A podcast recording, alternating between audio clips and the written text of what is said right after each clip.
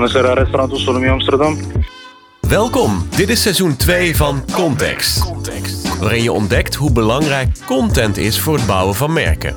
Anne en Jens van NS5 bestellen elke maand pizza Eh, doe mij maar een pizza salami. Eh, ik ga gewoon weer voor de vertrouwde vegan pizza. en gaan in gesprek met de crazy ones uit de journalistiek, film en uitgeverswereld. Cheers. Cheers. Wat kunnen merkbouwers leren van deze pioniers? En in deze aflevering hoor je hoe je als marketeer niet moet vallen voor ongeloofwaardige trucjes om jongeren te bereiken. Ik vind het heel eigenwijs en hij soort van zijn middelvinger naar jongeren. Anne vertelt alles over haar persoonlijke niche-doelgroep. Heb ik me in moeten bluffen, maar ik zit er inmiddels diep in. En je hoort naar aanleiding van een case van Nike hoe het ook niet moet. Nou, dat werd geïntroduceerd, maar het mislukte finaal. Laten we snel beginnen, want deze podcast is ten einde als de pizza arriveert. Anne, ik, eh, ik heb net een onderzoek gelezen. En eh, ja, hier is echt een Effie-case eh, gaande. Eh, van het GFK was het onderzoek. Het gaat over lezen eh, onder jongeren. Ja. Eh, in 2022 is in Nederland de, eh, de omzet van boeken onder jongeren verdubbeld ten opzichte van 2019. Dus in drie jaar tijd is de omzet van het aantal boeken dat jongeren lezen is, is verdubbeld. Dat, terwijl er zoveel campagnes eh, zijn geweest al om te proberen jongeren eh, aan het lezen te krijgen. En er wordt de hele tijd verteld de ontlezing en zo. Maar toch is er dus iets gaande. Het is wel grappig, want eh, ik zag Ja. eh, Peter Buwalda, eh, de schrijver van Otmar Sonen, Bonita Avenue. Zegt het je iets? Nee. Oh, nou, bekende schrijver, punt. Eh, die eh, was eh, bij Galit en Sofie en die zei toen dit over jongeren en lezen. Ik denk dat het een denkfout is om te denken dat je op de middelbare school mensen van een jaar of 16 eh, de hormonen gonzen door hun lichaam, dat je die aan. eh, Jan Wolkers helpt. Eigenlijk geeft hij het dus gewoon een beetje op. Hè? Ja. Hij spreekt totaal tegen wat jouw onderzoek eh, wel laat zien. Ja, er is nog steeds een hele grote markt. Eh, en ja, die, die bereik je denk ik niet door het aan te prijzen als, als saai. Maar die bereik je juist door veel meer bij de jongeren te komen. In de buurt te komen. En dat is wat, precies wat BookTok heeft gedaan. En volgens mij komt deze hele grote stijging in omzet vooral door BookTok. Ja, want wat weten boektokkers dan, wat Peter Buwalda en wij niet weten? Hoe kunnen zij ehm, het gedrag van Gen Z dus zo veranderen dat hen lukt iets wat heel veel campagnes gewoon tot op heden van organisaties, overheid, uitgeverij gewoon niet lukt. Wat is dat geheim? Ja, dan moeten we eigenlijk met een boektokker eh, bellen. We gaan bellen met eh, Noah. Eh, die ken ik namelijk. Dat is een van Nederlands bekendste boektokkers. Ehm, om toch te ontfutselen, ja, wat kunnen wij nou als marketeer leren van deze generatie TikTokkers? Van zijn mega-campagne eigenlijk. Ja, van de, de doorlopende campagne op TikTok, genaamd BoekTok. En terwijl Anne uitzoekt hoe je een boektokker te spreken krijgt, zal ik er wat meer over vertellen. Hashtag BoekTok is de boekencommunity op TikTok die enorme invloed heeft op Gen Z. Uit het niets worden onbekende auteurs populair door het platform. En schieten romans van jaren geleden de bestsellerlijsten in. En dan merken uitgevers zelfs, de verkoop van boeken is het laatste jaar door BookTok flink gestegen. De hashtag krijgt voor elkaar wat heel veel grote organisaties al jaren proberen. Jongeren gaan weer lezen. En wie kan er nou beter over vertellen dan de boektokker van Nederland, Noah de Campos Neto. Met, let op, het Je Tweede Vader spreekt hij wekelijks met duizenden jongeren over zijn favoriete boeken. En weet hij dus Gen Z weer in beweging te krijgen voor Ik lees literatuur. super snel weg. Het is helemaal niet dik en het is zo spannend. Ik kon het echt niet wegleggen. Ik had het in één dag uit. Hallo, met Noah. Hey Noah, Anne en Jens hier. Hey, goedemiddag. Hallo, goedemiddag. Hey Noah, wij hebben het over, eh, ja, kunnen eh, jongeren nog geïnteresseerd raken voor boeken? En wat kunnen marketeers daarvan leren? En eh, veel marketeers die luisteren deze podcast en die hebben misschien wel van BookTok gehoord, maar ze begrijpen niet precies wat het is. Eh, hoe zou jij BookTok omschrijven? Ehm, eigenlijk een soort online leesclub. Waar je niet Oh, per ja. se alle boeken voor hoeft te hebben gelezen, maar ook gewoon mee kan genieten van andermans plezier over boeken. Ja, want ik, eh, eh, ik heb ja, veel van jou, ik volg jou op TikTok en ik heb veel van de BookToks ook gekeken. Ehm, wat ons opvalt is dat jij niet eigenlijk heel feitelijk over de inhoud van al die boeken vertelt. Zoals je vroeger bijvoorbeeld, eh, ik weet nog dat ik samenvattingen moest maken over de inhoud en het plot en wie zijn de hoofdrolspelers. Eh, maar dat het veel meer gaat eigenlijk over jouw eh, emotie als lezer. Eh, Ja. hè, wat je aanspreekt en zo. En wat je hebt gekocht. Waarom is dat? Ehm, ja, ik denk dat qua samenvatten, zo is TikTok echt niet het platform, omdat mensen van kort en krachtig houden. En mensen die gaan vaak op TikTok uit van andermans ervaringen en ideeën en meningen. Dus als ik of een ander dan iets aangeeft van, oh, dit boek is dit en dit met mij gedaan, dan zullen mensen denken, oh, misschien doet het dat ook voor mij. En dan worden ze nieuwsgierig. Terwijl als ik een boek ga samenvatten in een video, dan duurt dat en heel lang. En haken mensen snel af. En ik merk zelf dat mensen veel enthousiaster raken van eh een uitvergrote mening over een boek. Dan dat ik het boek als een feitelijke recensie ga samenvatten, bewijs van. Ja. Ja, en je, het werkt wel dat je het op die manier doet. Want je ziet inderdaad, het heeft echt effect. Als jij iets aanraadt, dan, dan wordt daar meer van dat boek verkocht. Terwijl er ook veel mensen zijn van, ja, geef, geef het op. Eh, we zaten net, hadden we het over Peter Buwalda. Die zei, eh, ja, eh, eigenlijk jongeren die krijgen niet meer aan het lezen. Zo van, misschien moet je je nog focussen op een kleine niche die, die het nog interessant vindt. Maar voor de rest kun je het gewoon opgeven, want jongeren lezen niet meer. Wat vind jij daarvan? Ik vind het een hele zwakke mindset, want de reden dat jongeren nu niet lezen, dat komt ook door hoe het onderwijs is ingericht en wanneer wordt geherintroduceerd. Want op de middel, ik vind dat op de basisschool wordt het juist wel goed aangepakt, maar op de middelbare school wanneer weer wordt geherintroduceerd met het boek bij wijze van, ehm, wordt het op een hele geforceerde manier gedaan, op een hele idealistische manier. Uh, omdat je bepaalde boeken per se moet lezen vanaf de bovenbouw. En dat moeten, dat is helemaal met deze generatie jongeren echt iets wat je niet moet zeggen. En ook niet iets waar je vanuit moet gaan. Dat jongeren gaan luisteren naar volwassenen die hun echt forceert om een boek te gaan lezen. Want dat schrikt af. En de thema's van de boeken die je dan moet lezen van de lijst zijn ook heel erg uit de tijd. Uh, Ja. We zijn een heel divers land en mensen snakken naar andere stemmen. Dat had ik zelf ook heel erg. En daardoor valt het boek voor de jongeren, dus de jongvolwassen boeken, die vallen heel erg in, het nauw, heel erg, ja, die vallen heel erg weg. En als je dan uiteindelijk van de middelbare school afkomt, voel- voelen de meeste mensen zich weer te oud om van die boeken te genieten. En dan heb je niet echt kunnen ontdekken wat ja, jouw boek precies is. Maar ik denk zeker dat het makkelijk, je kan makkelijk jongeren het lezen krijgen. Als er ook wordt aangemoedigd om te lezen buiten school om. Want nu wordt het alleen maar aangemoedigd in de schoolsfeer.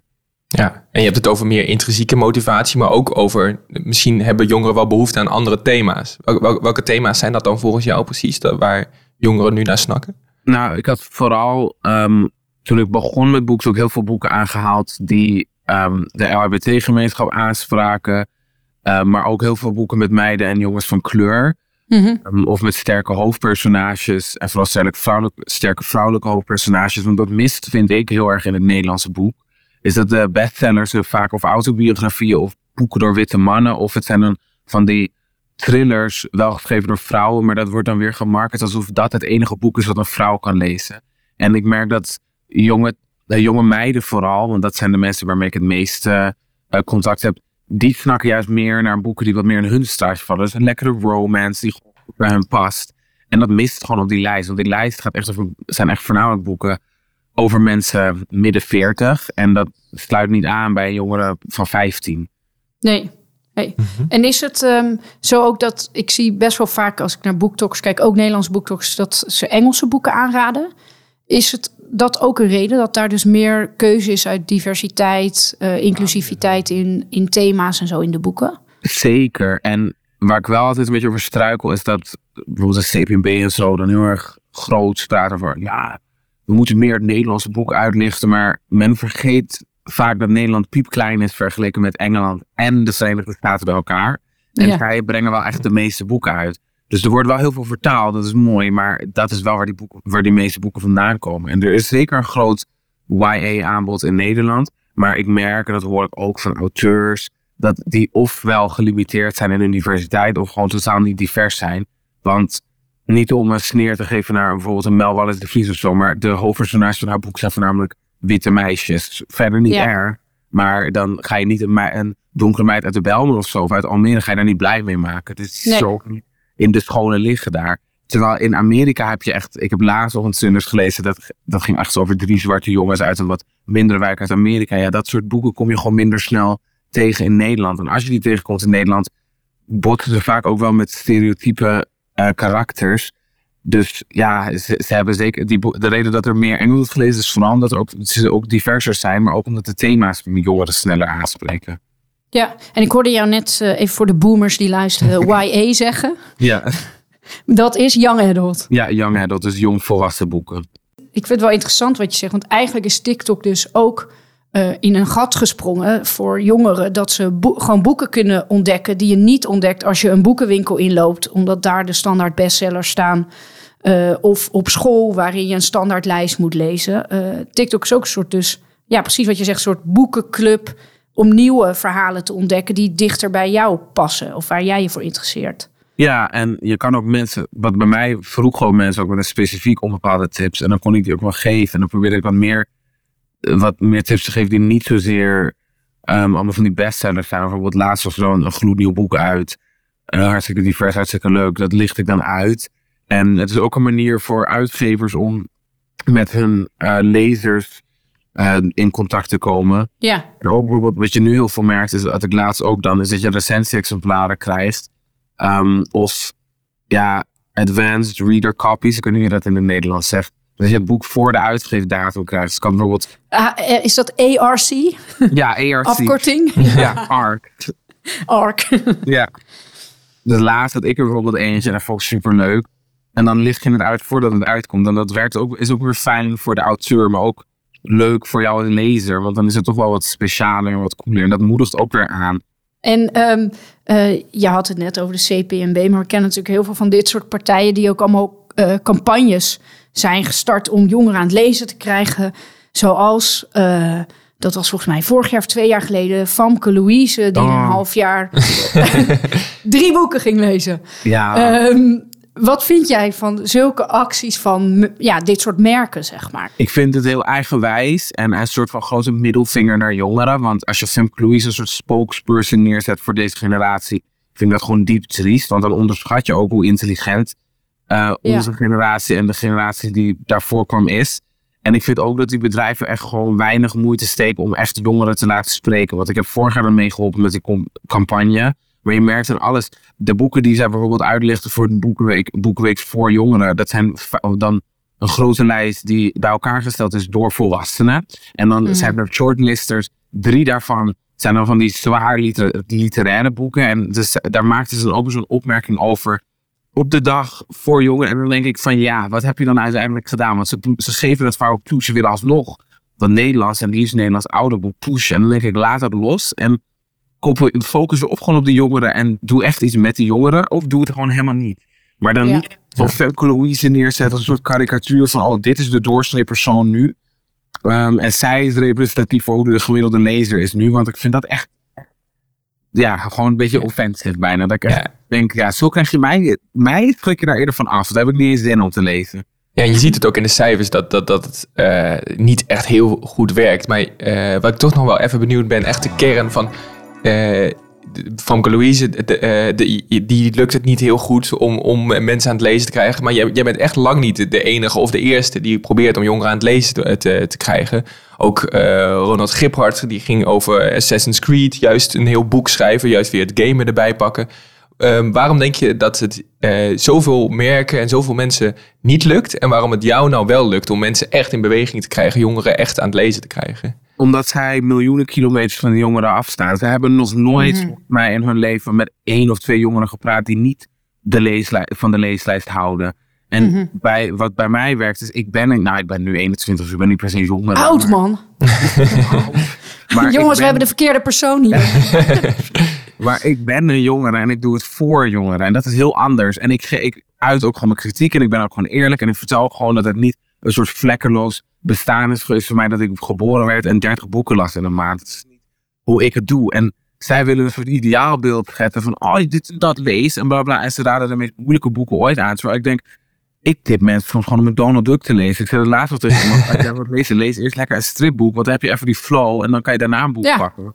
Duidelijke Ja. boodschap volgens mij. Ja, super interessant. Hier gaan we nog even over doorpraten. Eh, ja, hier de voice-over met even een recap van dit gesprek. Als ik het goed begrijp, moet je dus als merk veel beter leren om de community echt te begrijpen. Dus niet zomaar een boegbeeld neerzetten, maar je verdiepen in de thema's die er spelen. En op TikTok moet je dus geen functionele samenvattingen gaan geven, maar veel meer vertellen waarom je iets leest en waarom iets te gek is.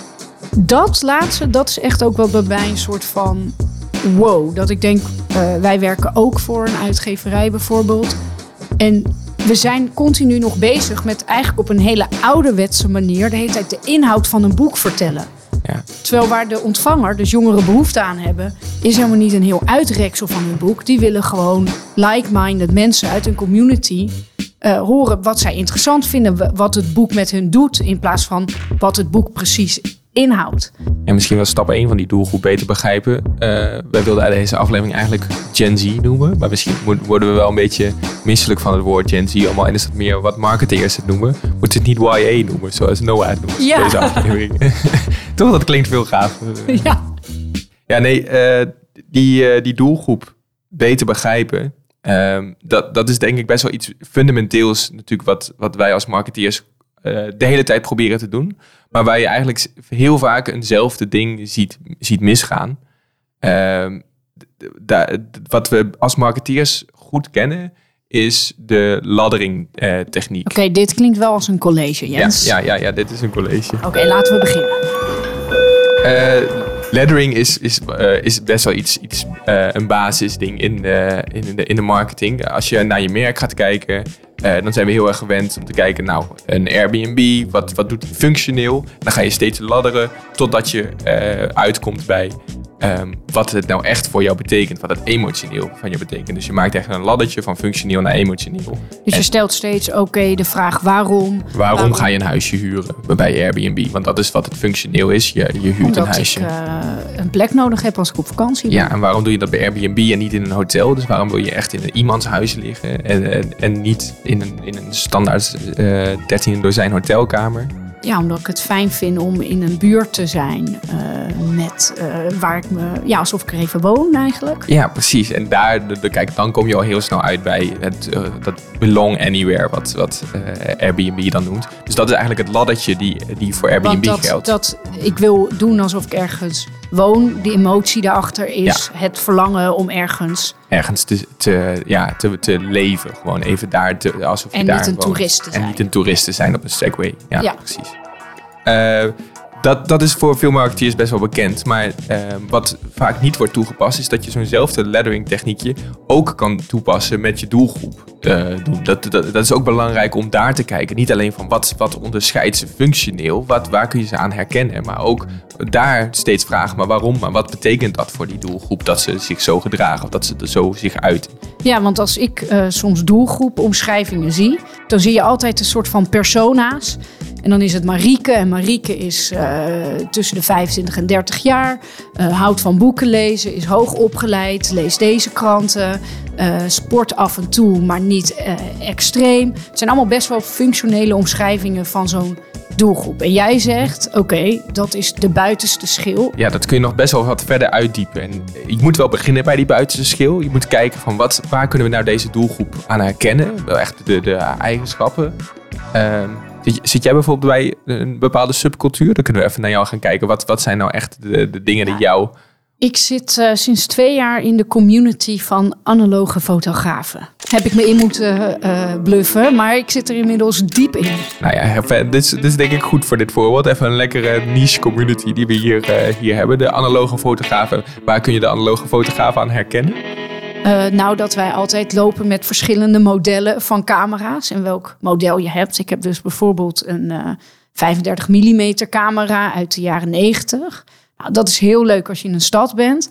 Maar eh, als je echt wil laten zien dat je een analoog fotograaf hebt, dan heb je vaak een middelformaat eh, eh, camera. Dat is eh, uit de jaren 80, is een heel ander formaat. Zijn niet 35 mm rolletjes, maar 120 mm rolletjes. En de goede luisteraar die hoort nu ook, het gaat nu niet alleen maar over dragen van die camera, maar over, ook over de taal die Anne hier allemaal uitkraamt. Dat zijn allemaal termen waar ik niks mee kan. Eh, maar dat, dat is natuurlijk eh, wat Anne nu uitstraalt aan haar omgeving om te laten zien, ik ben in-crowd van deze community, want ik ken deze 30 mm de woordjes allemaal en ik kan ermee uitstralen. Kijk, ik heb heel veel verstand van fotografie. Ja, de marketeers die ook analoge fotografie doen, die weten precies waar ik het over heb.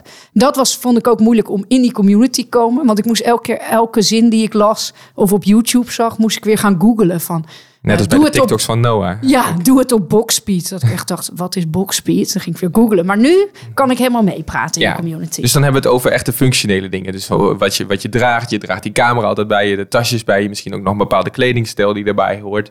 Eh, maar ook de taal. En eh, dan gaan we langzaam gaan we iets meer naar wat jullie emotioneel ook bindt met andere analoge fotografen. Ehm, waar, waar vind je elkaar? Waar, hoe ontmoet je elkaar? Welke gebruiken deel je met elkaar? Eh, eh, wat je heel belangrijk vindt als je een analoog fotograaf bent, is dat je in deze digitale wereld de tijd neemt voor foto's. De echt, het is bijna het ambacht van fotografie. Eh, en dat ambacht vind je heel leuk, maar je vindt het ook leuk omdat het iets over jou zegt als persoon natuurlijk. Op een soort, ja, een soort verlangen om ook creatief eh, bezig te zijn, maar ook zo gezien te worden natuurlijk. En precies die dingen, dat zijn natuurlijk de dingen.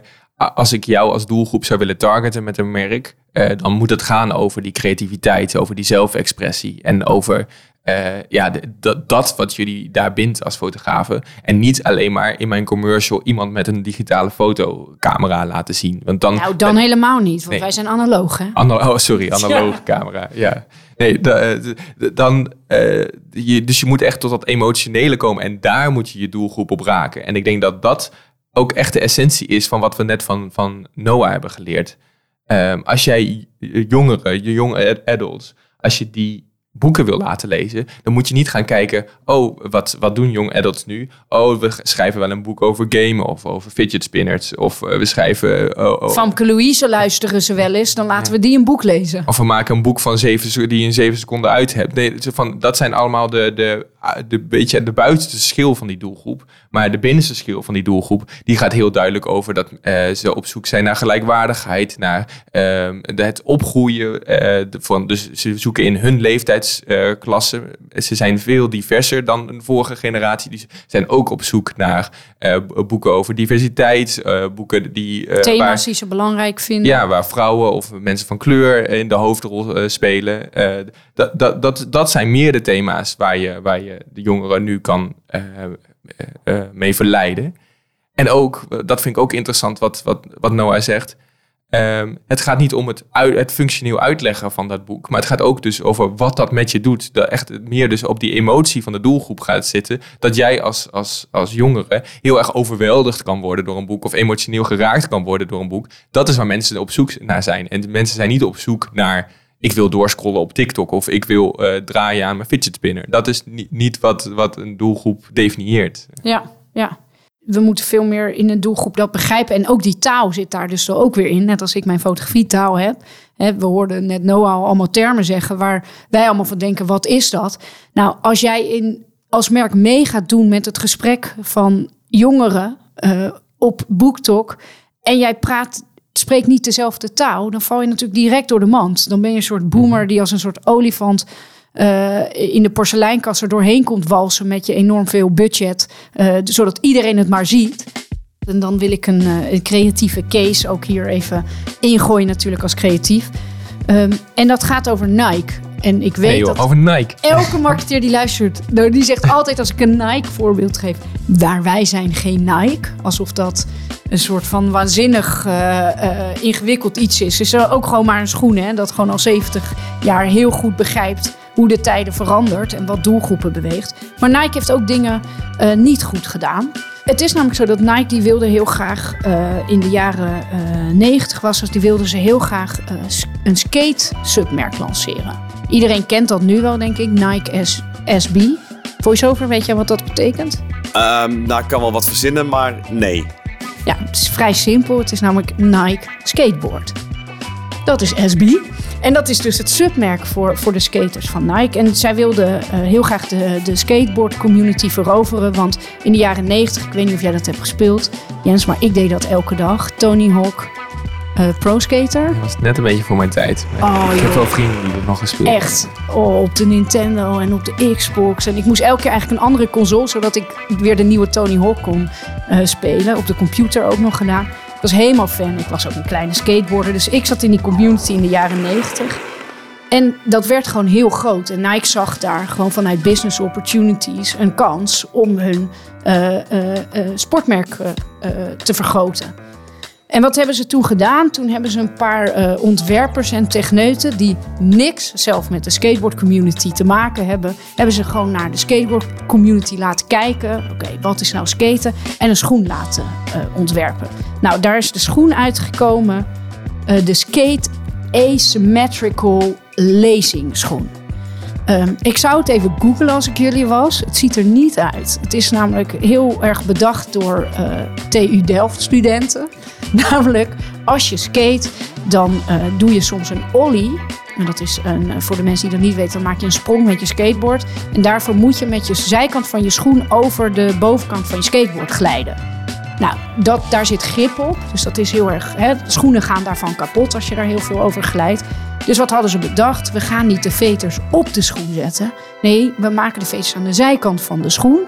En waar je overheen glijdt, aan de andere kant maken we een soort van rubberen eh, ja, sealing. Zodat je schoenen lang goed blijven. Dus dit is echt op papier, in theorie, functioneel gezien, de ultieme skateboardschoen. In theorie klinkt, klinkt het vrij legit. Ja, nou, dat werd geïntroduceerd. Eh, maar het mislukte finaal. Echt elke skateboarder keek naar die schoenen en dacht... What the fuck is dit? Dit is lelijk. En wat ze eigenlijk dus niet hebben gedaan, is eh geledderd. Om gewoon eens in de doelgroep te kijken... Oké, jullie skateboarden, maar jullie dragen bepaalde schoenen. Waarom vind je het belangrijk om die schoen te dragen? Wat betekent dat voor jou om eh, eh, bepaalde kleding te dragen? Wat doet dat met je? Waarom vind je dat? Nou, dat soort dingen. Dus eh, dat ladder hebben ze niet gedaan. En daardoor eh, eh, zijn ze één heel groot ding vergeten. En dat is dat in skateboarden, in de community, fashion heel belangrijk is. En dan gaat het niet om de fashion zoals je ze op de catwalk ziet. Maar skates hebben eigen soort skatebroeken. Fans was toen al heel groot. Hè. Dat waren echt schoenen waarmee als je fans droeg, dan wisten mensen, nou jij skate. Dus het was ook om je identiteit te uiten. En een beetje zoals Tony Hawk te zijn. en een beetje zoals Tony Hawk te zijn. En toen is er een, eh, een, een creatief van eh, Nike, eh, die wel in de skate community is ga, eh, zat, die is, is erbij gaan zitten op zo'n skatebaan en die is gaan kijken. En die zag dat heel veel skaters al Nike dragen. En niet de Nike Asymmetrical Lacing schoen, maar gewoon Nike Jordans. Heel veel in de skateboard community was Jordan wat tof was, wat ze al droegen. Nou, en toen hebben ze eigenlijk dat gebruikt en hebben ze een nieuwe schoen gelanceerd in 2002. Dat eh, was de SB Dunks. Dat was eigenlijk de Nike Jordan, maar dan de lage versie. Ehm, en eh, die, heeft, eh, die hebben ze met, samen met skateboarders ontwikkeld. Dus met vier bekende skateboarders. Daar hebben ze volgens mij toen maar eh 500 eh, van gelanceerd. En bij verschillende, in Los Angeles bij verschillende sk- skateshops gedropt. Nou, en er kwamen gewoon rijen van skateboarders. Want iedereen wilde die schoen van die ene skateboarder. Die ontworpen was door die beroemde skateboarder. En vanaf dan hebben ze het merk groot uitgebouwd binnen de community. En de communicatie wordt erdoor natuurlijk automatisch ook een stuk emotioneler. In plaats van dat je zo'n functioneel verhaal gaat vertellen over hoe je minder schade krijgt aan je schoenen bij een ollie. Eh, Ja. dat- ja. Daar, daar ga je niet echt dat je daardoor verleid wordt van dit wil ik. Of zo. Precies.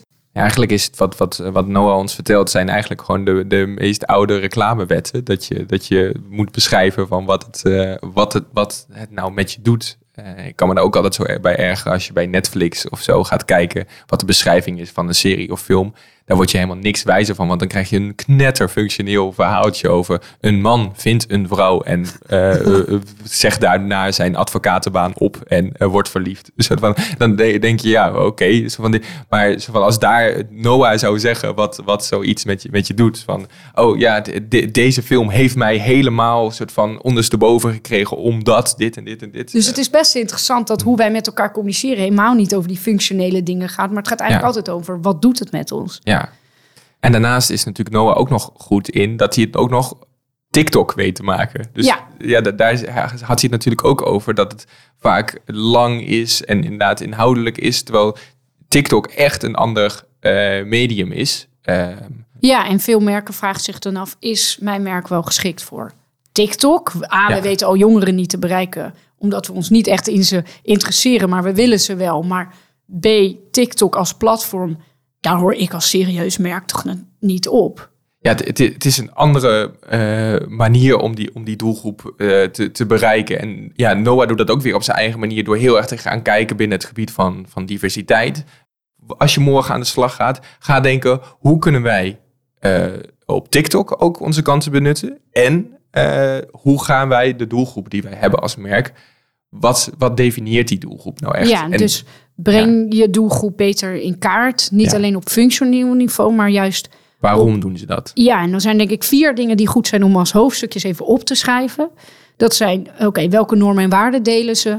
Eh, welke symbolen en expressie, denk aan mijn camera, eh, hebben ze? Eh, welke momenten en gebruiken vinden ze belangrijk? En dan niet van die kalendermomenten, maar juist zes uur 's ochtends opstaan om een foto te maken. En is er een taal en muziek die zij onderling delen, waar jij eigenlijk als merk, eh, nou ja, ook een weg in moet gaan vinden? Eh, kijk wat dus dan de emotionele betekenis daarin is. En dan vervolgens, hè, hoe kan je dan authentiek dat vertalen naar de verschillende platforms waarop je eh, actief wil zijn. Top. Tijd voor pizza. Jongens, wat is dit voor plakkerige pizza? Ja, dat is die van mij. dat is Salami met honing. honing. Eeuw. Alleen analoge fotografen die vreten zo'n rare honingpizza. Ik wou net zeggen, wij nemen de tijd daarvoor. En dat was hem weer. Reageren kan natuurlijk via TikTok. We vinden het leuk als je deze podcast liked of aanbeveelt bij andere marketing-experts. En volgende keer gaan we het hebben over de kracht van de herhaling van een format. Een format werkt pas echt als je het heel lang volhoudt. Heel lang. We gaan contact zoeken met een mediaformat dat al 77 jaar succesvol is.